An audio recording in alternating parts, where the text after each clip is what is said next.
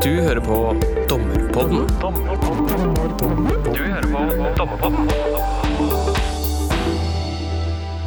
Når vi dommere utmåler straff, er det bl.a. i håp om å påvirke domfeltes eh, og andres handlinger i ønska retning. Straffen skal virke som en avskrekkende kostnad ved kriminaliteten. Men så er det sånn at en del kriminalitet også har en betydelig oppside for forbryteren, i form av økonomisk vinning, blant annet. Så lovgiver har i sin uendelige visdom gitt oss et bredt spekter av verktøy for å inndra vinning fra økonomisk kriminalitet. At hvis forbrytelser ikke skal lønne seg, så er inndragning veldig viktig. I tillegg til inndragning av eh, vinning og utbytte, så gir disse reglene hjemmel for å inndra andre ting, f.eks. ting som har vært brukt i en straffbar handling, eller som i fremtida kan bli brukt til kriminalitet. Så er det mye som tyder på at vi i Norge ikke er tilstrekkelig flinke til å bruke disse reglene. Det er en eh, mellomstatlig samarbeidsgruppe som heter Financial Action Task Force, FATF blant venner, tror jeg. Den gruppa gjorde i 2014 en landevaluering av Norge som endte i ganske klar kritikk, bl.a. for dårlige inndragningstall. Da ble Norge satt under noe som heter forsterka oppfølging, som jeg tror er en slags internasjonal skammekrok. Så har denne samarbeidsgruppa hatt en femårsoppfølging av Norge i 2019, og da tror jeg vi er ute av skammekroken, eh, men det påpekes fortsatt at det er behov for forbedringer. Og for min egen del så må jeg innrømme at inndragningsspørsmål eh, ofte oppleves som noe at apropos i straffesakene. Det er sjelden noe som vies mye oppmerksomhet. Det er typisk eh, inndragning av en kniv som en av byens løse fugler har hatt med på offentlig sted, eller noen kontanter som er funnet rett ved siden av noen narkotika som er beslaglagt. Så for meg så er dette regler som i praksis er ganske ukjent.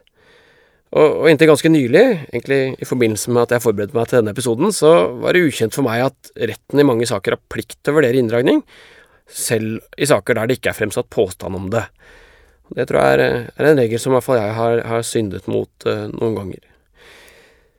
Iallfall, det er bakgrunnen for at vi i dag skal snakke litt om inndragning, og kanskje litt om beslag og hefte. Ehm, og som vanlig så har vi fått med oss noen folk som, som kan eh, mye om dette. Eh, Den første gjesten er Inger Koll, som er høyskolelektor ved Politihøgskolen. Der hun jobber bl.a. med økonomisk kriminalitet. Hun har bred erfaring eh, med det, også fra det praktiske liv, og har bl.a. erfaring som advokat i skattekrim. Og sitter i en, en nasjonal faggruppe for inndragning, som er oppnevnt av eh, Riksadvokaten og POD. Velkommen hit, eh, Inger. Takk skal du ha. Um, vi har også med oss eh, Peter André Johansen, som er statsadvokat i Oslo. Eh, kommer rett eh, fra prosedyre i, Lime-saken i dag, når vi tar opp. Um, du har bakgrunn som, som ordentlig politimann, Peter, men har etter hvert vet ikke, hva skal jeg si, tatt til vettet, men i hvert fall tatt, tatt jussen og, og revisorstudiet, og har jobba som politiadvokat og fra, fra 2011 altså som statsadvokat i Oslo. Velkommen hit, Peter. Ja, takk for det. Takk for det. Det var imponerende at du kom rett fra Borgarting og i studio til oss. Det, var, det setter vi stor pris på. Ja, nei, det var bare hyggelig det, å bli, bli invitert. Så, så Nei, vi ser frem til dette her. Var det noe spørsmål om inndragning eh, i Lime-saken, eller? Ja, det var det. Eh, og, og det er eh, flere spørsmål om inndragning der, og også prinsipielle spørsmål eh, til en viss grad. Eh, det er nok, eh, hva skal vi si, av den litt hva skal vi si, dypere eller særere typen, så jeg er usikker på om vi i denne sammenheng skal komme inn på det. Eh, men eh, eh, Lime-saken er jo en spesiell sak, det er en stor sak. Det dreier seg om ordinære virksomheter som, som bedriver kriminalitet i virksomheten. Og da reiser det seg særlig spørsmål med hvordan man skal beregne utbytte av kriminaliteten. Og det er her vi har Hva skal vi si Vi mener jo ikke at det er eh, særlig tvilsomt hva som er resultatet av disse spørsmålene, men spørsmålene er jo for seg interessante. Og, og, men, men jeg lurer på om det blir kanskje litt for spesielt i denne sammenheng. Det høres litt for vanskelig ut eh, for oss. Dette skal være med være et slags krasjkurs i, i, i inndragning enn en, eh, det litt sånn spesialiserte som, som Lime-dommerne, nå skal, skal bale med. Eh, Inger, du uh, sitter i en nasjonal faggruppe for inndragning, som, som er veldig relevant uh, for denne episoden. Kan du fortelle litt om hva, hva dere holder på med, eller? Vi har i denne faggruppen akkurat ferdigstilt en rapport om hvordan tilstanden er i politiet og Påtale-Norge på bruken av inndragningsreglene, og hvor svakhetene ligger, og også har kommet med forslag til forbedringer. Så, så det jeg tenkte jeg er et uh, veldig flott arbeid å få lov å være en del av. Og det er representanter fra hele Politi-Norge og statsadvokatene og Økokrim. Så uh, vi, vi, håper å, å, bli hørt med de innspillene vi kommer med på ting som kan gjøres bedre da, for å få opp inndragningstallene. Kanskje før du forteller mer om det, kan, kan du Jeg prøvde jo å si litt om dette FATF og, og, og, denne skammekroken jeg mente Norge hadde blitt satt i. Men, men, kanskje du kan fortelle litt mer. Hva er det som, hva er, det som er kritikken mot Norge når det gjelder anvendelsen av disse reglene? Kritikken fra FATF, eh, som du jo viste til innledningsvis, den går på to ting. Den går for det første på at de tallene Norge kan vise til, de er objektivt, altså de er for lave. Det er altfor lite som inndras i Norge. Og så går den i tillegg på at de tallene vi har, er i tillegg altså usikre. Vi har ikke gode nok rutiner for å fange opp hva som faktisk blir eh, inndratt. Sånn at eh, det er både systemfeil på, på, registreringen, og også at vi gjør dette for lite, rett og slett. Hmm. Det er ikke fordi det er lite kriminalitet, da? Det er nok ikke fordi det er lite kriminalitet. det har vært eh, noen forsøk på å estimere anslag over hvor stor den svarte økonomien er i løpet av et år, og det er jo milliarder. Um, og så kan vi si at uh, hvis du vil gjette på hvor mye som ble inndratt i 2018 Ok, potensialet milliard. Hvor mye ble inndratt? Jeg, jeg, jeg aner ikke. 50 millioner. Og det syns jeg du var veldig nøktern. 130 millioner av milliarder. Så, så, nei, det er nok ikke fordi kriminaliteten er liten. Vi er bare ikke flinke nok til å bruke disse reglene. Nettopp. Og, og da Ja, jeg, jeg kan godt øh, kanskje supplere litt her. Um, jeg tror det er helt riktig den kritikken som Norge har fått, at det er for lite eh, si For dårlige prestasjoner på inndragningsfeltet. Eh, bare for å si det helt først. Jeg tror domstolen ikke har noe av dette ansvaret. Det er sikkert sånn at vi i den enkelte sak kan bruke eh, eller gå glipp av enkelte inndragningsmuligheter, eh, men det er ikke der hovedproblemet ligger. Um, det skal bli spennende å høre hva, hva, Jeg har ikke lest det som denne gruppa til Inger har uh, kommet med nå, men hun nevnte én ting, og, og, det var dette med muligheten for å få sikkerhet for kravet, slik at du får realisert det. Det er, å si, uh, slik jeg ser det, ting nummer to. Ting nummer én, som jeg mener er den absolutt viktigste årsaken til de lave inndragningsprestasjonene, det er at man ikke får saker som setter påtalemyndigheten i inndragningsposisjon. Det er altså saksutvalget, politiets saksutvalg. Det er der problemet ligger. Eh, jeg husker ikke, for, mange år siden så tror jeg det var noe sånt noe som 60% vinningssaker, og argumentet var sånn ja, hvorfor er det så lite inndragning når det er 60% vinningssaker? Ofte i vinningssaker så, så, kan det være rom for inndragning, eh, men da har du gjerne i konkurranse med erstatning, et erstatningskrav. Slik at um, de sakene som tar deg i inndragningsposisjon, det vil være saker som for det første ikke kommer som en anmeldelse inn døra til politiet. Det er stort sett saker som politiet må eh, iverksette på eget initiativ. Eh, det kan være mange typer saker. Lime-saken det er en menneskehandelssak eh, med mer. Eh, der har du stort potensial. Narkotikasaker har jo vært nevnt mange ganger. Det er alt fra varemerkekriminalitet til, til eh, hallik og en, en, rekke forskjellige, for ikke å snakke om hvitvasking og helerisaker, både med og, u, og, og, med ukjent primærforbrytelse. Så man har et vell av eh, hva skal vi si, saker. Det viktigste er kanskje å få politiet å blinke seg ut personer hvor man kan følge pengesporet, som det var en justisminister som sa for, for uh, mange år siden. Det at politiet ikke ikke gjør det i tilstrekkelig grad, det er årsaken til lav, eh, lave prestasjoner på inndragningsfeltet. Og det er altså, eh, å si, kanskje litt sånn folkelig sagt, da, 90 av grunnen. Mm. Det er, det er problemet. Det er der politiets saksutvalg Det er der problemet ligger. Er du, er du enig i det, Inger? Og i så fall, hvorfor er det sånn? Eh, Ja, jeg tror jeg kan supplere også. Jeg er enig i det som Petter sier, men jeg tror også det har noe med kulturen i politiet å gjøre. Eh, Jeg tror man ikke egentlig ser potensialet at det i så å si alle straffesaker vil være en mulighet for inndragning, men, men politiet er så fokusert på å bevise primærlovbruddet, skylden, ikke sant, det objektive, at de ikke bruker tid på også å se ok, hva har det faktisk vært et utbytte her. For utbyttebegrepet er veldig stort. Det er veldig mye som kan klassifiseres som et utbytte. eh, Og der tror jeg man går glipp av veldig mange eh, inndragningssaker. Eh, og så dette med det, liksom kulturen, ja, hvordan man har pleid å tenke, men jeg tror også eh, styringssignalene kanskje kan ha noe å si. Politiet måles på oppklaringsprosent, og de måles på saksbehandlingstid. Da har de ikke nødvendigvis noe incitament til å gjøre ekstra etterforskningsskritt som sinker eh, fremdriften, og som gjør at du får tatt færre saker. Det, det, det er ikke nødvendigvis det du får premie for. Nettopp. Så um, påstår jeg at, uh, at Norge nå er ute av den internasjonale skammekroken. Uh, um, hvis det er riktig, uh, hva er det som, som har endra seg, eller er det noe som har endra seg? Hvordan er det? Ja, vi har, eh, eller Politidirektoratet har fått på plass bedre um, oppfølging av tallene, altså bedre rapportering nå. Så, så det gjorde et, en forskjell for, eh, for FATF, da, heldigvis. Så at vi er ute av skammekroken, du, du har rett til det. Men um, ja, i tillegg så har Riksadvokaten kommet med retningslinjer for uh, hvitvasking, selvvask og, og helleri.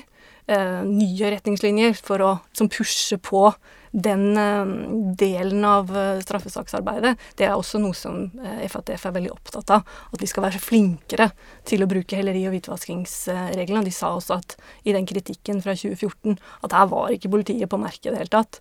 Så der også håper man vel å se en, en forbedring da, som resultat av det, det rundskrivet. Hmm. Da kan du kanskje si litt om Eller vil du spille inn noe, Peter? Ja, jeg kan godt, eh, jeg kan godt gjøre det. Eh, Jeg tror nok ting er bedre nå enn det det var før. Eh, Disse spørsmålene sitter nok litt lenger fremme i pannebrasken, men jeg tror jeg, Men jeg har ikke noe empiri. Jeg sitter jo må på si, med min portefølje og, og føler litt på dette her, underviser litt i det osv. Men eh, vi er, det er mulig vi er ute av skammekroken, men eh, jeg tror på ingen måte eh, vi er ved veis ende. På langt nær eh, der. Eh, Nå er det fra, si, jeg kan nevne én ting, at eh, et politidistrikt eller en avdeling i, eh, i et politidistrikt for kort tid siden eh, hadde altså netto utlevering av midler eh, over et år, og ikke eh, da eh, netto inndragning. Eh, Så, så Det gikk i tap, rett og slett? ja, det gikk i tap, rett og slett. Eh, så så eh, og, og jeg tror eh, nøkkelen her sånn, den ligger først og fremst Man må gå etter pengesporet og lage saker som, med, som setter påtalemyndigheten i inndragningsposisjon. Og så er det helt riktig som Inger sa, det å, det å sørge for sikkerhet for kravet. Eh, det er viktig. Eh, ikke bare eh, se at ja, her blir det grunnlag for et inndragningskrav, legger ned påstanden om det, og det blir da et såkalt verdiinndragningskrav, som egentlig er et papirkrav, som man da ikke får innfordra. Man må skaffe seg sikkerhet for kravet. Eh, det er eh, viktig, og man må være da flinkere til å lete etter disse pengene der de måtte finnes, også i utlandet. Det er vel lett å tenke seg, jeg vet ikke om, det var, om jeg forstår deg riktig nå, men det er jo lett å tenke seg at særlig litt sånn ressurssterke kriminelle, når de skjønner at de er under etterforskning, vil prøve å flytte, flytte penga eh, før det inndragningskravet altså, kommer til pådømmelse. Så, så det er det du snakker om, at man tidlig i etterforskningen forsøker å sikre, sikre spenna. Ja, rett og, rett og slett. Og, og, og det um, Tidvis er politiet flinke til det, at man har uh, sørget for en sånn økonomisk uh, aksjon ved til, i tillegg til den hva skal si, rene, ordinære bevisinnhentingen, uh, hvor man sikrer da heftelse og beslag i ulike formuesgoder. Men der kan man også bli bedre, og man kan også bli bedre i selve det å rett og slett spore opp pengene der de måtte, der de måtte finnes. Og eh, et problem som vi ser i mange saker, ikke bare i Lime-saken, dette var vi i Høyesterett med for ikke så lenge siden også, eh, det er eh, graden av proformaverk. Eh, det er veldig lett å bruke for mange. Det, mm, det, skal vi ikke snakke om, for da skjærer vi inn i et annet tema, men, men bare nevner det i, i, i denne sammenheng. Ja, det er jeg helt enig i, og det er veldig veldig viktig å vite at dette med reelt eierskap altså det er noe man må bruke litt tid på å etterforske, men det er fullt mulig å komme i havn med det. Der er det alminnelig sannsynlighetsovervekt som gjelder hvem som er rette eier av eh, verdien. Ja, og det var akkurat en dom som ble avsatt sagt, i, i Oslo tingrett nå, som gikk på eierskap til hus i Holmenkollåsen, hytte i Kragerø. Hvor den, dette var i realiteten eid av en tidligere domfelt uh, hvitsnippkriminell, men var satt på en kompis av ham. Og der fikk, uh, fikk uh, man fikk full gjennomskjæring, sånn at disse midlene er nå tatt. Nettopp. Bør være en god kompis, da, hvis vi skal sette yachten eller hytta, hytta, og huset på den. Ålreit. Ja. Um, um, jeg lurer på uh, om vi bare skal Vi bruker jo både begrepene hefte og beslag og inndragning, som uh, jeg, fordi jeg har forberedt meg til i dag, uh, tror jeg vet hva er. kanskje, i hvert fall. Men det tror jeg kanskje ikke jeg hadde noe veldig godt bilde av før, vi, før jeg begynte med det. Så kanskje en av dere kan liksom bare hjelpe oss litt, gi en liten oversikt over hva, hva betyr disse begrepene, og, og hva er forholdet mellom dem? Ja, jeg tenker jo at domstolen kommer i eh, kontakt med inndragning både under hovedforhandling, hvis, eller hvis de skal også prøve et inndragningsforelegg. Da er vi på slutten av straffesaken. Mens underveis i etterforskningen så er det snakk om dette med sikring, og da gjøres det enten ved beslag eller heftelse. Og jeg skjønner godt at ikke alle har full kontroll på forskjellen mellom de to eh, tvangsmidlene. Fordi at eh, der må du på en måte grave litt ned i materien for, for å se forskjellen. Men eh, eh kort skal man si da at beslag, det kan jo politiet ta i utgangspunktet selv. Eh, og det er ting som er direkte knyttet til den straffbare handlingen.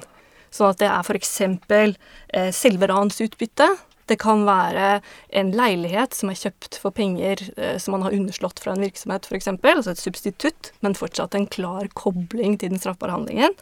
Eller bilen som er brukt i fyllekjøring. Så det er veldig nærhet til den straffbare handlingen. Og det brukes da til å sikre gjenstandsinndragning, som man kaller det. Mens eh, heftelse, der er vi lenger unna den straffbare handlingen. Da, da snakker vi om andre verdier som ikke har noen kobling til det straffbare forholdet. Eh, og, eh, men man tar beslag, det bør ikke være en fysisk gjenstand. Det kan være i, i, i materiell Eller en, en bankkonto ja, eller konto, rettigheter ja, til et eller annet. ja da. Ja. Så, så, det er ikke sånn at det er liksom, noe tangible, så å si, noe du kan ta på. Men, men det, er, eh, det, er, en ting som har en tilknytning, da. Og så heftelse. Så ja, heftelse. Eh, ting som altså ikke er knyttet til handlingen, men som så da sikrer verdiinndragning i hans andre verdier, altså andre midler. Sånn at en heftelse, det kan du ta i eh, kontoen der det bare står lønn. Du vet at det kommer fra arbeidsgiver. Du kan ta det i en Rolex han har fått av kjæresten sin, f.eks., eller huset han har arvet av bestemoren sin. Men det, der ligger primærkompetansen rett eh, hos retten, eh, og det krever noe mer. Det krever en sånn sikringsgrunn. Det må være grunn til å tro at denne gjerningspersonen ikke har tenkt å betale frivillig.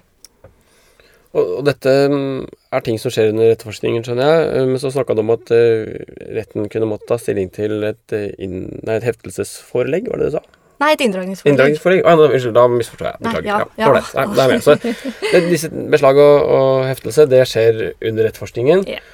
Og retten kommer egentlig bare i befatning med det uh, hvis det skal besluttes heftelse og, og, ja, og, og, det blir brakt inn av påtalemyndigheten? Ja, det skal alltid bringes inn for retten. Nettopp. Så selv om påtalemyndigheten de har en hastekompetanse til å beslutte heftelse, men da skal det straks, altså nesten samme dag omtrent, sendes til retten, sånn at retten skal ha en muntlig forhandling. Uh, og der vet jeg også at uh, folk har kommet til retten fra påtale, og man står der, og, og så sier dommeren sånn Ja, nå skal vi visstnok ha en sånn muntlig forhandling om, om heftelse. Er det noen som vet helt hva vi skal gjøre? og det er veldig søtt. Men jeg skjønner det, fordi at heftelse brukes i så liten grad, da. Så jeg skjønner at ikke dere får noen mengdetrening. Men nå er jo saken den at vi, vi, håper at det skal bli et uh, vilt oppsving i antall heftelser. Nettopp. Så da må vi kunne litt om det. Men, men, vi skal likevel ikke bruke så mye tid på heftelse i dag. Det får bli neste gang vi møtes uh, her i dette studio. Fordi Eller vil du ja, fylle inn, Petter? Supplere, ja? Jeg kan supplere litt grann på det. på det, fordi um, heftelse og beslag er jo sikringsakten, mens inndragning er jo resultatet i enden.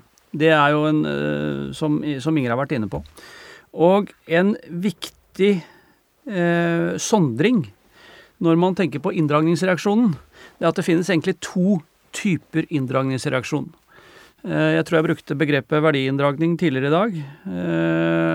Og det andre begrepet er gjenstandsinndragning. Altså to prinsipielt forskjellige inndragningsmetoder. Og disse to metodene finnes i de fleste av inndragningshjemlene vi har, så finnes det disse to alternativene. Gjenstandsinndragning, slik det er beskrevet i teorien, det innebærer at den, det objektet som inndras, det skifter eierskap fra tiltalte eh, til staten. Det er en eierskifteinndragning. Det er gjenstandsinndragning. Og så har du den andre varianten, som er verdiinndragning. Det innebærer at uh, man ikke inndrar noe som helst, men tiltalte må da gjøre opp inndragningen sin i ettertid, altså en gjeldsstiftelse. Uh, og det som er uh, tanken, det er at altså, gjenstandsinndragning det sikres ved beslag knyttet til den konkrete gjenstanden, og heftelse det eh, brukes til sikkerhet for innfordring av verdiinndragningskravet. Eh, av og til under etterforskningen så kan det være sånn at eh, man eh, Ofte så vil man tenke at eh, her skal vi etterforske oss fram til en gjenstandsinndragning, sånn at innledningsvis så vil ofte beslag være det politiet bruker. Og man kan tenkes at dommerne får en sak om overprøving av beslag eh, til seg. Eh, hvor man kanskje må vurdere om man skal bruke reglene om heftelse isteden. Det å gå fra beslag til heftelse og vice versa, det er uproblematisk. Man kan gå i, si, avhengig av hvordan faktum eh, fremkommer under etterforskningen, men det er fullt mulig. Altså, Prosessuelt så kan retten avse en kjennelse eller en beslutning om heftelse på tross av at det er brakt inn som en opprøving av beslag? Godt spørsmål. Jeg, jeg, tenkte at uh, det spørsmålet kommer akkurat idet jeg sa det. uh, men uh, jeg, jeg, må ta forbehold med svaret der. Men jeg vil tro Jeg vil vel tro for alle praktiske formål, hvis retten ser at her, det objektet har ikke noe sporbar identitet tilbake til den aktuelle handlingen, så vil vel antagelig dommeren reise spørsmålet overfor aktor og si at eh, vet du hva, eh, er dette i realiteten en heftelse, så vil vel aktor da si at eh, ja, det bringes inn som, som krav, det også. Det vil jeg vel tro er, som oftest vil være problemstillingen. Men heftelse, det, bruk, det syns jeg brukes egentlig litt økende grad, og det syns jeg er et lyspunkt. Men heftelsesreglene de er jo ikke lette å forstå seg på. De er skrevet i 1900 og den tid. Det er ikke lett å ta disse reglene og lese de og forstå hva som menes der. Men der er det triks. Og det er når man skal bruke heftelsesreglene, så kan man gå på Lovdata. Der er det en artikkel av Jon Henry Mæland. Les den. Det er en kort, enkel artikkel. Så å si, Da er du landets beste på heftelse. Fort vekk. ja, skal ikke mye til. Ikke sant? Så på å si, ikke konsentrer deg om reglene. Les den artikkelen. Den er kort, og da skjønner du Da får du sånn der Aha, er det det, det som egentlig står der? Så det er et tips. Det er et veldig godt tips. Jeg, jeg, trodde vi nå var nødt til å lage en episode om heftelse, men da kanskje vi slipper det. Får lese den artikkelen og se om Ålreit.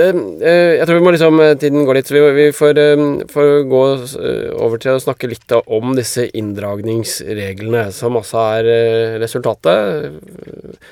Hvordan går det til slutt? Og det skjer da normalt i forbindelse med en straffesak, så vidt jeg har forstått. Og jeg vet ikke om eh, en av dere kan bare gi oss en oversikt. Hva slags eh, former for inndragning er det vi har? Ja, jeg tenker jo at du sa det veldig fint innledningsvis. Det er egentlig hovedregelen. Det er tre former. Du har utbytte, som faktisk skal inndras. Uh, og der sa du noe om at uh, dette ikke, visste ikke du helt, men ikke vær lei deg. Den eh, lovendringen kom jo i 1999, sånn at Bare 21 år siden. ja. Så kanskje vær litt lei deg, men ok. Eh, nei, det står i loven at utbytte skal inndras, og det var altså en eh, beslutning som var tatt av lovgiver for å øke, altså styrke inndragning da, som kriminalpolitisk virkemiddel. Så skulle det nå gå fra en kan-regel til en skal-regel, noe som jo innebærer at eh, du som dommer har et selvstendig ansvar for å eh, undersøke om dette skal skje i din, den saken du har fått deg forelagt. Og du kan eh, idømme eh, inndragning selv om det ikke er nedlagt påstand om det.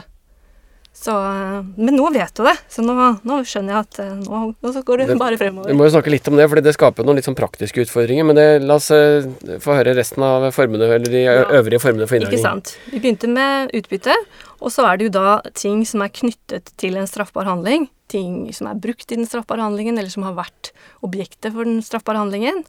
Um, og så har du dette med forebyggende inndragning, altså ting som kan tenkes å bli benyttet til en kriminell handling i fremtiden.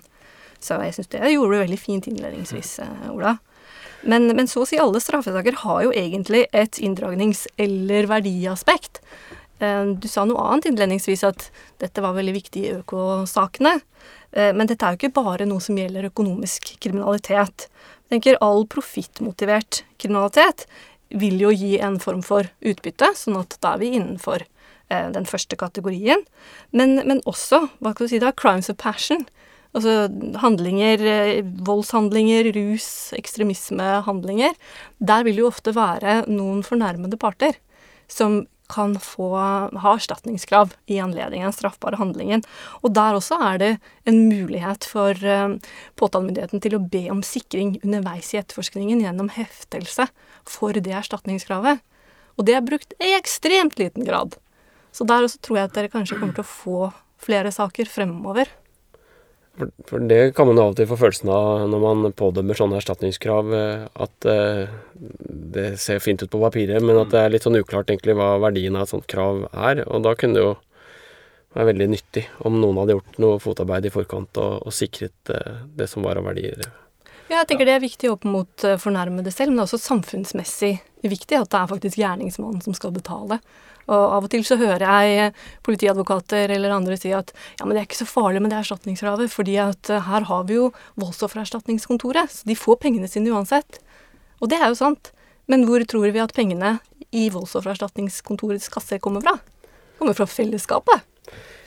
Ikke fra den svarte økonomien, i hvert fall. I hvert fall ikke. Um, så vidt jeg vet, i hvert fall. Jeg, jeg tror det, det som du nevner der, tror jeg er veldig viktig, og det er nok et glemt kapittel. Eh, det at heftelsesinstituttet kan brukes for å eh, skaffe sikkerhet for erstatningskrav.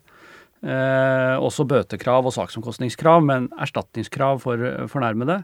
Eh, dette er jo egentlig noe dommerne liten grad råder over, fordi de er jo avhengig av å få saken inn.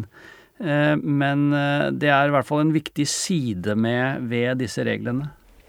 Hvis jeg bare kan skyte inn også, da har jeg eh, litt uoffisiell statistikk fra Statens innkrevingssentral, som jo da på vegne av voldsoffererstatningskontoret prøver å få inn pengene fra gjerningsmennene. 9% 9 dekning. Ja, det, det bekreftet jo min følelse av at dette Det er jo katastrofe. Altså, ja.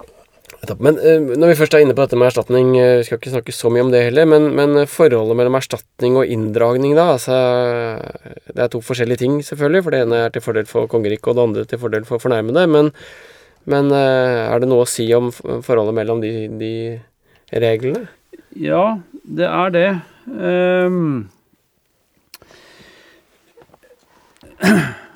Av og til så vil jo et erstatningskrav være det samme kravet være i konkurranse til inndragningskravet. Hvis man et, eh, hvis man tar et tyveri, da, bare for å ta det eksempelet, så er jo tyvegodset utbytte av tyveriet, eh, men samtidig skal jo fornærmede ha tilbake tyvegodset sitt. Eh, og, men dette er altså regulert i loven. Jeg tror det er paragraf 67 tredje ledd, jeg er usikker på det, men der står det altså at inndragningen kan reduseres med en erstatning som er betalt. Slik at lovens system, det er altså at det skal pådømmes både inndragning og erstatning. Slik jeg har forstått den regelen.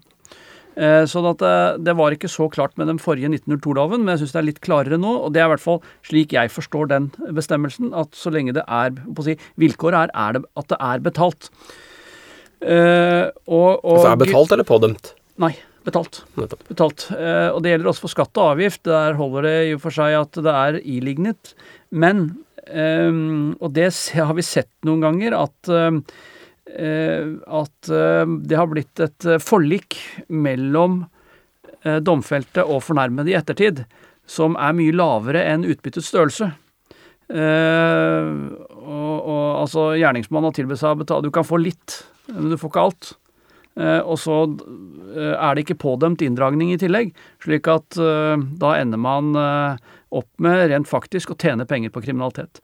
Sånn at jeg tror ikke man i alle saker nødvendigvis skal hagle på med både inndragning og erstatning, men i hvert fall man må være, på å si, gjøre en, en nøye vurdering for om det skal gis en inndragningspåstand i tillegg til erstatningskravet. Og der har jo dommerne også en kompetanse. Nettopp. Um, en liten uh, et siste spørsmål før vi går liksom inn i disse konkrete hjemlene. Inndragning, er det, er det straff?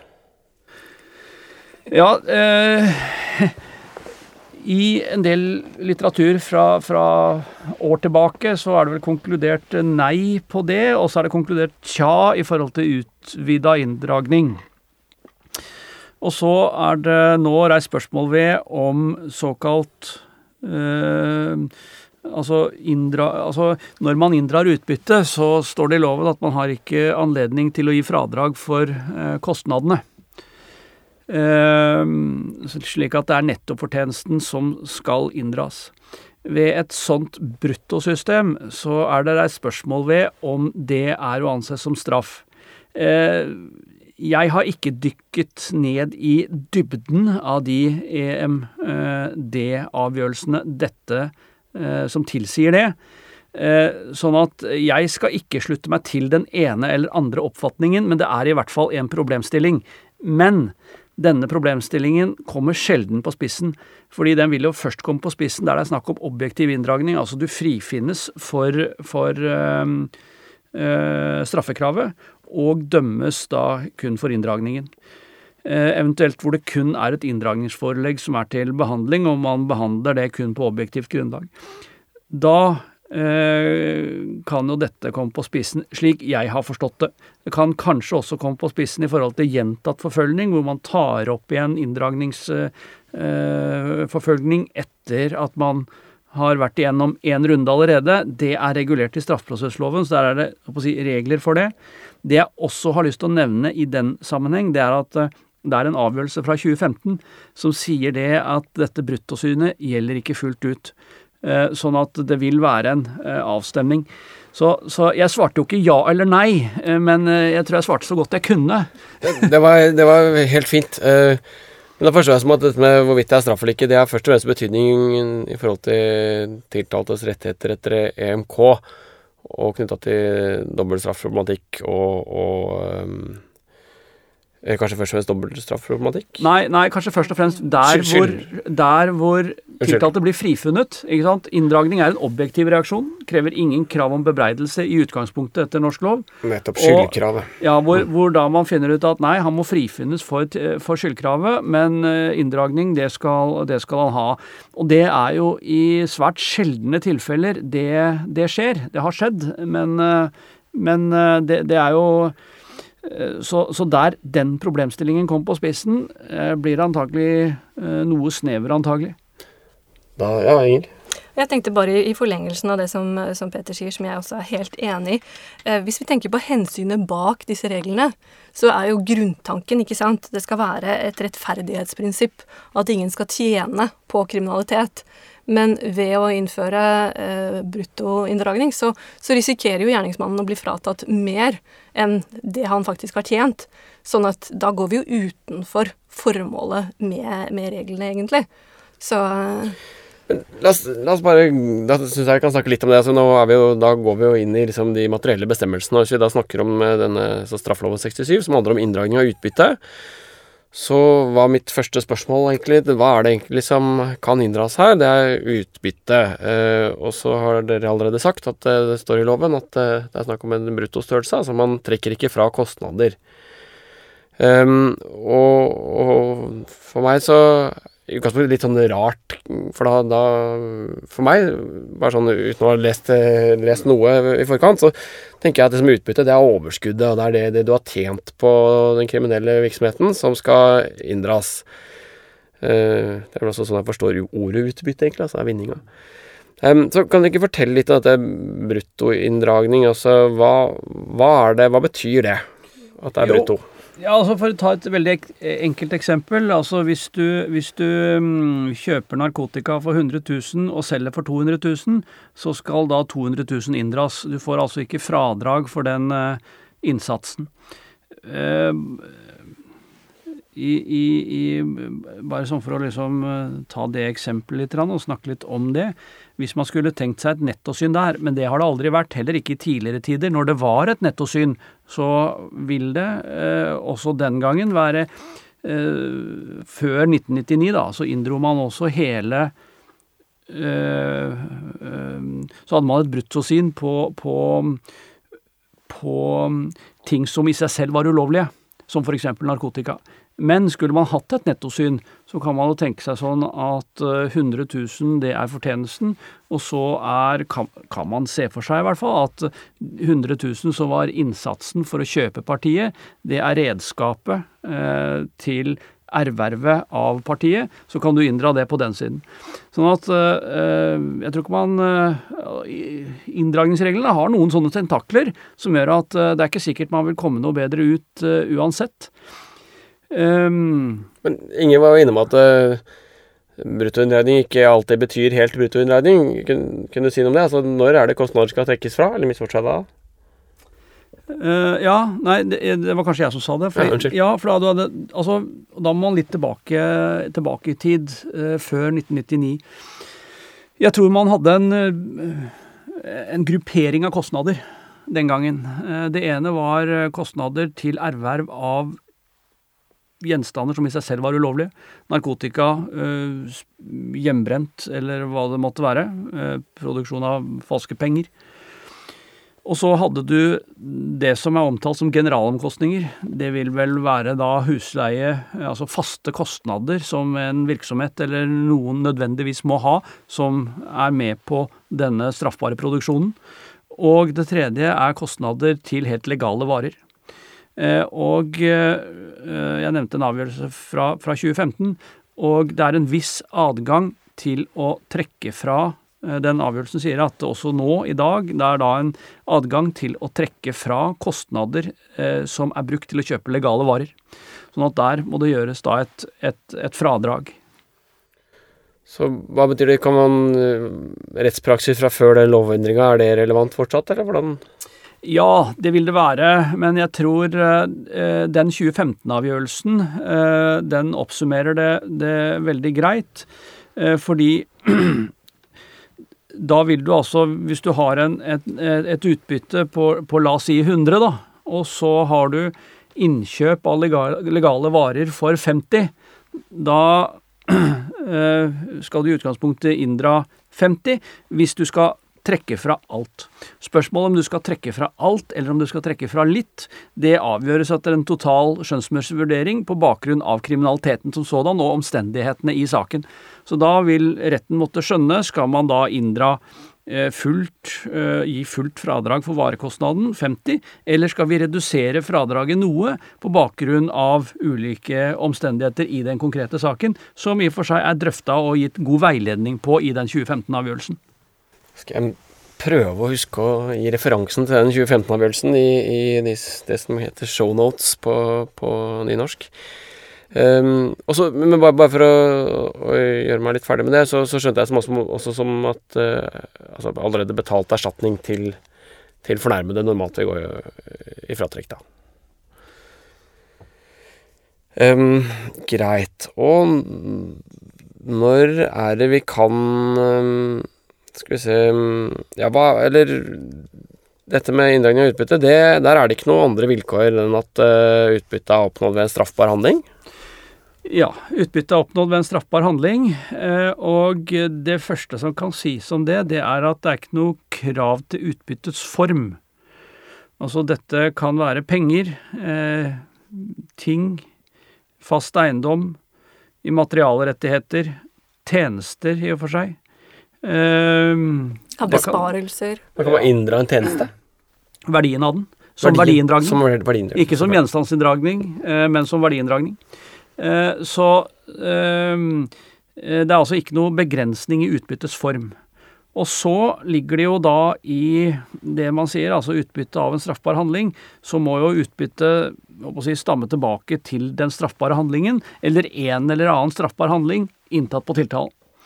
Eh, og, og, det blir jo en konkret uh, vurdering. Uh, å si, hvor mye hadde han, og hvor mye har han nå? Og, uh, og man må, må, gå inn på de konkrete straffbare handlingene. Og her Her er det jo Det kan man kan de, Situasjonen kan jo dele seg litt, fordi og det er en viktig ting for dommerne å huske på. Det er at for i bedømmelsen av utbyttets omfang, så er det altså en redusert, eh, redusert eh, beviskrav.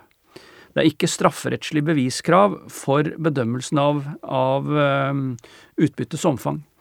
Sånn at uh, hvis straffekravet, hvis man skal drømmes til tyveri av, av 100 000 kroner, for det er det ut, bevist utover hver rimelig tvil at man så at, at uh, tiltalte da fikk med seg, men så er det eh, hva skal vi si, eh, sannsynlighetsovervekt, at han faktisk fikk med seg 200 000. Så da selv om straffen skal svare til en, en, en, um, et tyveri på 100 000, så skal inndragningen være på 200 000. Sånn at her kan eh, ulikt eh, beviskrav resultere i, i, eh, i ulikt nivå. Og Som et lite apropos der, så så da kan vel også spørsmålet om uskyldspresumpsjon komme inn, da, hvis utbyttet er straff etter MK. Men uh, så må man kanskje tenke seg litt om hvor man, hvordan man formulerer seg der. Kanskje, det kan godt hende. Ja, jeg skjønner hva du mener. Ja, ja jeg tror også kanskje det. Dette har vi ikke gravd i, så jeg skal ikke, skal ikke forfølge det. Men um, og, og, dette, altså inndragning av utbytte, det er altså her det er en skal-regel, hvor, uh, hvor, det er en plikt til å inndra. Um, og da kan man jo håpe selvfølgelig at uh, politiadvokatene er flinke til å forberede det, sånn at uh, vi får dette servert på sølvfat, vi som sitter på benken. Men, uh, men, hvis ikke vedkommende gjør det, så er det sånn at vi i domstolene har plikt til å ta initiativ, eller i til å ta opp det spørsmålet, og vurdere inndragning. Det står 'skal' i loven. Jeg har ikke noe autorativ kilde på hvor det står skrevet at dette eh, å si, skal retten gjøre dersom det ikke er tatt opp av påtalemyndigheten, men jeg vil tro det, all den tid det står eh, skal. Eh, så, så eh, jeg tror jeg svarer litt sånn litt forsiktig ja, men jeg tror jeg føler meg ganske trygg på det standpunktet, altså på bakgrunn av, av ordlyden. Men retten er i hvert fall ikke bundet av påtalemyndighetens påstand, så vidt jeg har forstått? Ja, det er riktig. Nei. Så, Nei, man er ikke, ikke, det. Sånn at hvis i ditt eksempel da, hvor det var bevist ut som hver rimelig tvil eh, et eh, tyveri på 100 000, ja. og jeg mener at her er det grunnlag for å inndra 200 000, basert mm. på at det er mest sannsynlig, ja. så står jeg for så vidt prosessuelt fritt ja. til å gjøre det, forutsatt at jeg skal gi, adgang til kontradiksjon, selvfølgelig. Ja. Og, og, det, og, det, ser vi eksempler på. At det har retten gjort. At man går over påstanden også på inndragningsfronten. Mm. Ja. Nettopp. Um, nettopp, og det skaper jo litt sånn praktiske utfordringer da, hvis retten skal ta initiativ til uh, det. Fordi, fordi, da må vi jo selvfølgelig sikre kontradiksjon mm. og, mm. og, kanskje også innhente bevis hvis det er nødvendig. Altså Hvis, hvis inndragning ikke er tema ja, ja, ja. for påtalemyndigheten, så, så, kan man jo se for seg at det ikke er tilstrekkelig belyst. Um, greit. Det var litt sånn kort om, om inndragning av utbytte. Hvis vi bare beveger oss videre i lovteksten, så er det noe som heter utvidet inndragning etter straffeloven 68. Og da har jeg forstått det sånn at uh, inndragning av utbytte etter 67 forutsetter at man kan liksom, konkretisere hvilken straffbar handling dette utbyttet kommer fra. Mm. Og så er virkeligheten sånn at vi ikke alltid får til det, og at det betyr at det er en del eh, folk som lever i sus og dus eh, uten noe særlig lovlig inntekt, og det eh, har lovgiver da forsøkt å gi oss noen regler, regler for, å, for å imøtegå på en eller annen måte. Ja. Hva, hva, er ut, utvida inndragning, og kan en av dere bare hjelpe meg litt med å Ja, jeg kan si noe om det, og, og øh, øh, det har vært to inndragningsreformer som liksom i den senere tid. Det er 1973-reformen, og så er det 1999-reformen. 1999-reformen den var en NOU. Den er veldig, veldig, lesbar, veldig god. Eh, og det er der denne regelen om utvida inndragning da blir født. og, og eh, blir implementert da fra det er vel 19, 1999. Og, og den eh, har jo da som, eh, som, funksjon at man skal inndra eh, uidentifisert kriminalitet. Har man begått de og de eh, lovbruddene, så inntrer det en, en, eh, en, omvendt bevisbyrde hvor man eh, inndrar alt, med mindre man godtgjør at de objektene er legalt ervervet. Men det som sånn som jeg har oppfattet det, det er at omtrent samtidig med at uh, denne regelen kom, eller i hvert fall dette seg inn i bevisstheten hos politi og påtalemyndighet, så kom det en annen avgjørelse. Um, Rettstidene 2006-466. Og den er eh, sentral, egentlig. Og, og den utkonkurrerte på sett og vis regelen om Eh, utvida inndragning. Det var altså eh, et spørsmål om heleri, helleri, hvitvasking. Jeg bruker de begrepene litt sånn om hverandre. Men der ble det altså konstatert at for å avklare om noe er et utbytte eller ikke i relasjon til straffekravet, altså har man begått et heleri ved å motta et utbytte eller transportere et utbytte eller hva det nå måtte være, for å bedømme om det er utbytte, Eh, så kan man jo på den siden være kjent med primærforbrytelsen og si at ja, der har du primærforbrytelsen, og det er utbytte som da heleren har fått fatt i. Men hvis man er ukjent med primærforbrytelsen, så eh, hvordan skal man bedømme om noe er et utbytte da? Og da sa Høyesterett i den avgjørelsen at hvis man utelukker legalt erverv, da anses det objektet for å være et utbytte. Og da isteden, å si, derfra og frem, så brukte politiet i da denne straffelovens 317, da, i, som den het tidligere, eh, sammen med paragraf 34 som inndragningshjemmel. Eh, og, da, da hadde man, og, det, og da hadde man de redskapene man trenger.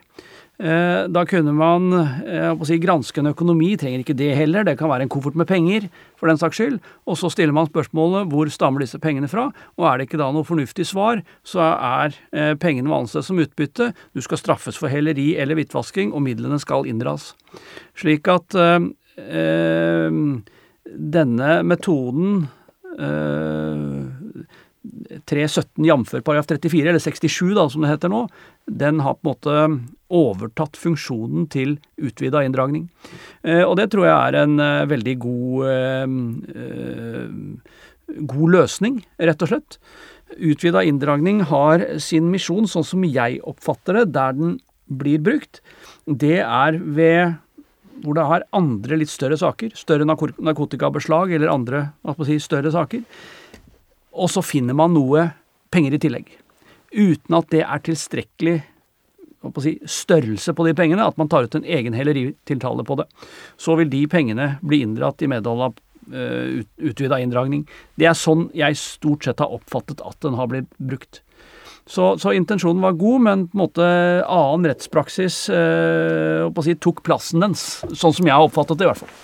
Nettopp. Det er veldig interessant. Når man eh, leser gjennom disse reglene i loven, så ser jo utvidet inndragning veldig praktisk ut. Mm. Eh, men, men eh, jeg skjønner. Altså, man kommer på en måte til samme sted ved mm. å bruke heleri og hvitvaskingsreglene. Mm. Skjønner. Eh, men da trenger vi jo ikke å, å, bruke veldig mye tid på det. Men eh, det er altså en bestemmelse om utvidet inndragning som forutsetter at man finnes eh, skyldig i en straffforhandling, og at det er en straffforhandling som etter sin art kan gi betydelig utbytte, og så er det noe krav til, til strafferamme. Og hvis man øh, når frem dit, så er det altså sånn at i utgangspunktet så kan kongeriket ta alt tiltalte eier, med mindre han kan bevise at øh, han har ervervet dem lovlig. Um, men hvis dette ikke er så praktisk, så kanskje vi ikke trenger å Er det noen som tenker er det noe vi bør si om denne bestemmelsen? Det er, det er én ting vi kan si om det. Eh, og det at hvis man skal bruke den, så er det to rettsavgjørelser som, som hører sammen med disse, denne bestemmelsen.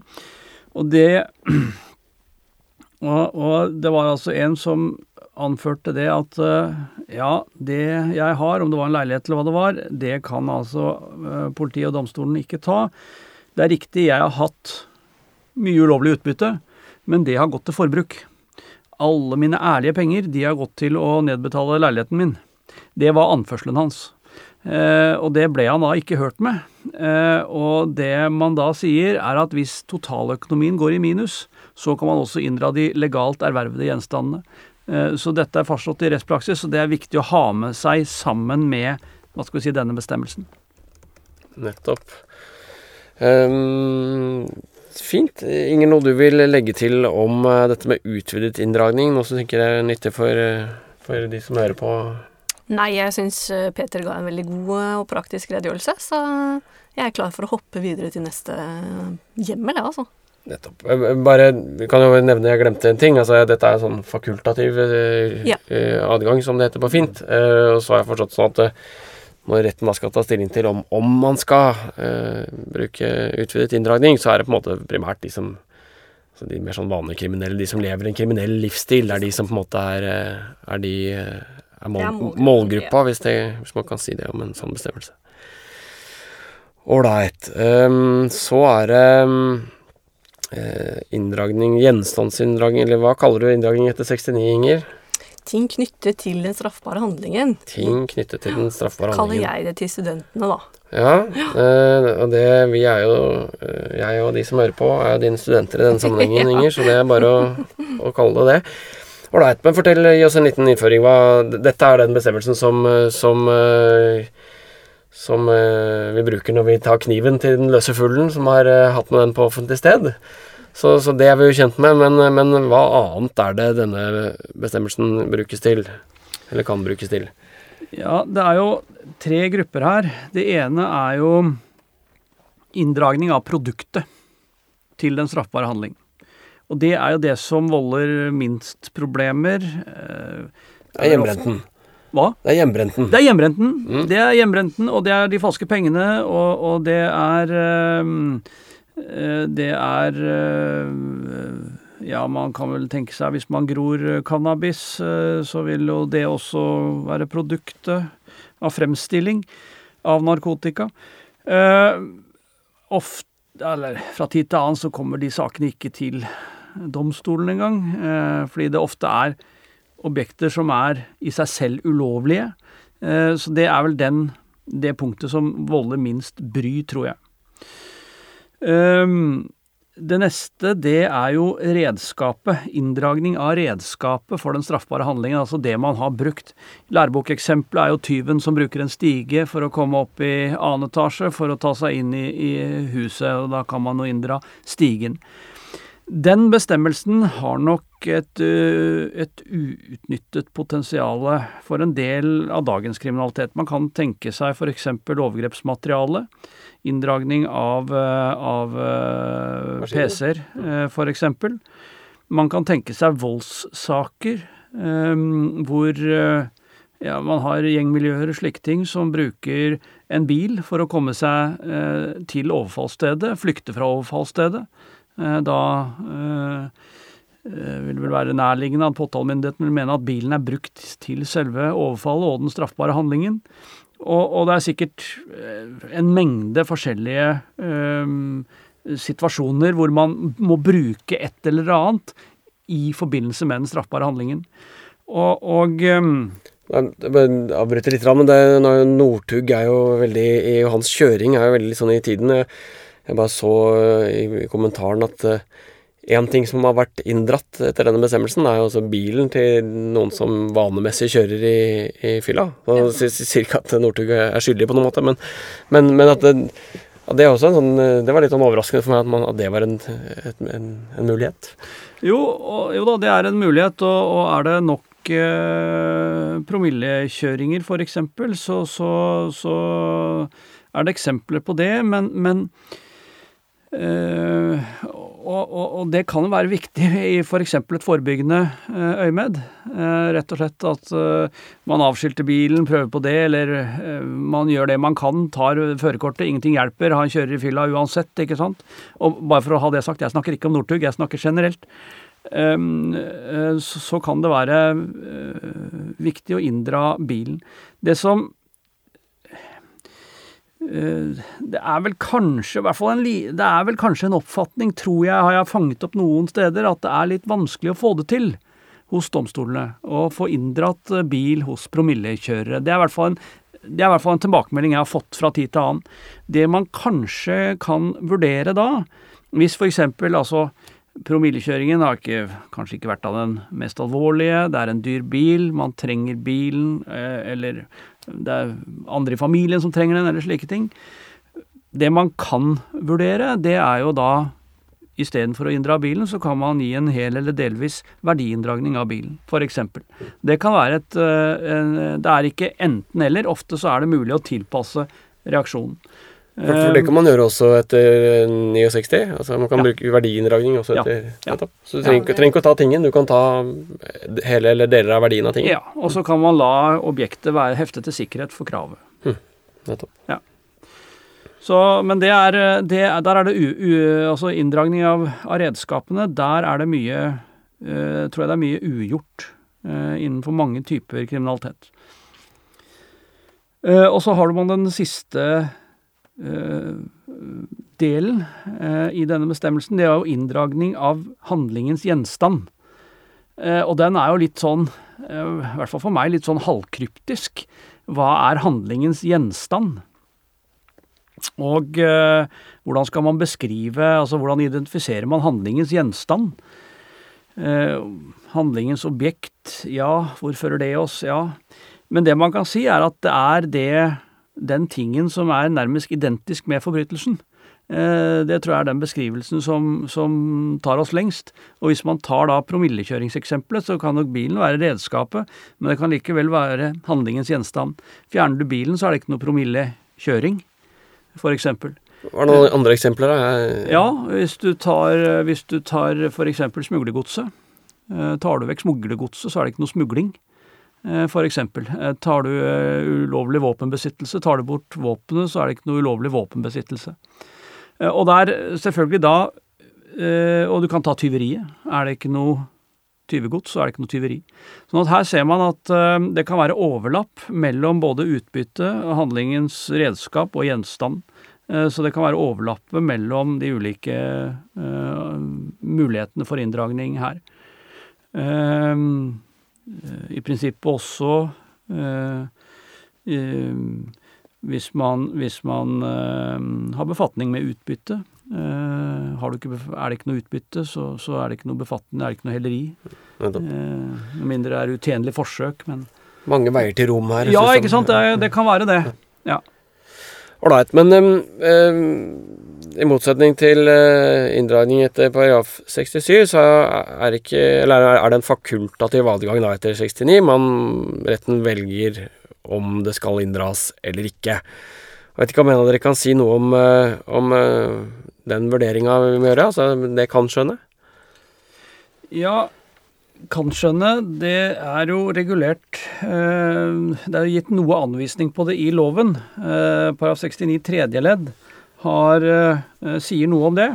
Og ett element er om inndragning fremmer hensynet bak straffebudet, og om det er forholdsmessig. Eh, og, og, forholdsmessigheten, det skal det da eh, vurderes bl.a. Eh, si, effekten av det på den siden, mens og, opp mot konsekvensene av inndragningen eh, eh Eller hvordan inndragningen rammer den som eh, blir ilagt den. Um, det er jo et forebyggende element ofte ved disse ved slik inndragning. Og dersom man kan hva skal vi si, på, påvise det, så blir jo det en, en, eh, en viktig eh, effekt av, av, av kan-skjønnet. Jeg tror ikke det er noe skal vi si, begrensninger i relevante um, argumenter som kan komme inn i dette her. Loven gir noen uh, anvisninger, men man må jo ofte da hente de Eh, si, faktum fra det etterforskningsmaterialet som, som eh, da eh, saken tilbyr. Da. Det er kanskje derfor Du nevnte at eh, domstolen kanskje var litt sånn tilbakeholdne med å f.eks. ta bilen til folk som fyllekjører stadig. Det er kanskje knytta til dette med forholdsmessighet, at det blir litt vel sterk lut, da. Ikke sant, det kan fort være det. Og i hvert fall så kan det være tvil om det. Og da eh, hender det at man er tilbakeholden fordi den delen av saken er ikke etterforsket, f.eks. Nettopp. Ja. nettopp. Ålreit. Um, tiden flyr når man snakker om uh, inndragning, tydeligvis. Um, kanskje dere kan bare si, si, kort noe om denne tredje formen for inndragning. Uh, forebyggende inndragning. Jeg, jeg må innrømme at det var et helt nytt konsept for meg. Ja, det er jo en veldig Hva skal vi si Vi ordlyd, egentlig. Den sier jo det at pga. tingens art, eller en ting kan inndras pga. dens art og forholdene for øvrig, dersom det er en nærliggende fare for at den kan bli brukt til en straffbar handling. Noe, noe slikt noe. Og så er det spesielt da, særlig ved kroppskrenkelser, dette kan være aktuelt. Det som er tenkt, eh, det er jo eh, eh, innbruddsredskaper hos den vanekriminelle. Det er også slagvåpen, den type ting. Det som er spesielt med den, av, den bestemmelsen, er at det krever, kreves ikke noe straffbar handling eh, i bånd. Um, også der går det an å hva skal vi si, tenke litt um, altså I og med at det ikke kreves noen straffbar handling, så, er, så vil det nok ha en sånn iboende begrensning at du kan nok ikke um, inndra si, store verdier eller noen store ting. Det er på en måte de, de, de min, mindre Eh, mindre objekter som kan inndras. Eh, men eh, jeg, hvis jeg ikke tar helt feil, så mener jeg vi blant annet, eller har brukt den som en til Ikke til inndragning, men som grunnlag for beslag av et domene. Sånn at man kan Rett og slett fordi vi, vi påstod da at domenet det ville bli brukt i tiden som kom, til straffbare handlinger. Eh, så det er mulig å tenke hva skal vi si, nytt også på den bestemmelsen. Eh, men som sagt, det primære, innbruksverktøy, eh, våpen blant, blant kriminelle, er jo, det er jo der kjerneområdet for bestemmelsen ligger.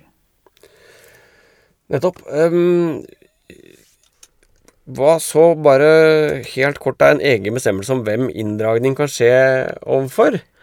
Eh, er det noen som føler seg kallet til å si noe om det? Altså, det var noe om eh, si, koner og samboere. ja. Det er, det er, et godt spørsmål, fordi det ene, ene I inndragningslæren så har du jo hva kan inndras? Og det andre det er jo da spørsmål hvem er det som er adressaten for selve inndragningskravet? Og der er det ved inndragning av utbytte, så er det den som har mottatt utbytte. Det trenger nødvendigvis ikke være gjerningsmannen som skal ha straff, eh, men det kan også da være eh, en annen. Men altså den som har fått tilfalt dette utbyttet direkte. Eh, er det ikke jeg å si, Det er en presumpsjonsregel som sier at det er lovbryteren som, som, som skal ha det kravet dersom det ikke er andre opplysninger. Og de øvrige kravene så er det jo eh, lovbryteren som skal ha inndragningskravet. Eh, men så er det også flere regler om inndragning overfor erververe av objektet. Dersom objektet er videreformidlet til noen ved, ved, gave, eller det er annen hva skal vi si, Det er spesielle regler om noe hvis man, hvis, hvis man har overtatt noe med en slags sånn subjektiv anelse om at her er det noe muffens, så kan man også få bli rammet av en inndragningskrav. Eh, så det er egne regler om det, på 71, 72 blant annet, som, som eh, sier noe om dette. Så det er klart, hvem som skal ha inndragningskravet, det må også vurderes i disse sakene. Nettopp. Helt til slutt, eh, dere. Um, hvis vi skal forsøke å, å, gi de som hører på en oppskrift på hva de skal ha med seg, er det, er det, hva er det vi kan lære oss, eller hva er det vi håper at uh, lytterne har lært?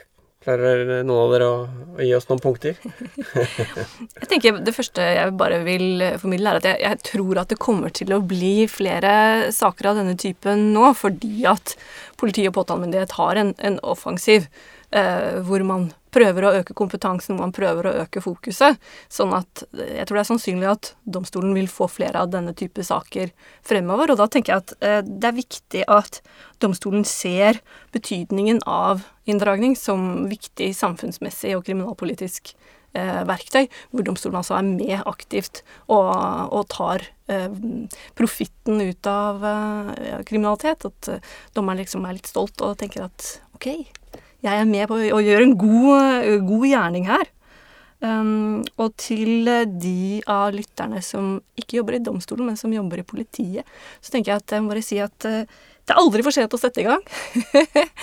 Dette er veldig uh, Det er gode regler, og de er ikke utrolig vanskelige å bruke. Vi må bare starte, vi må bare komme i gang.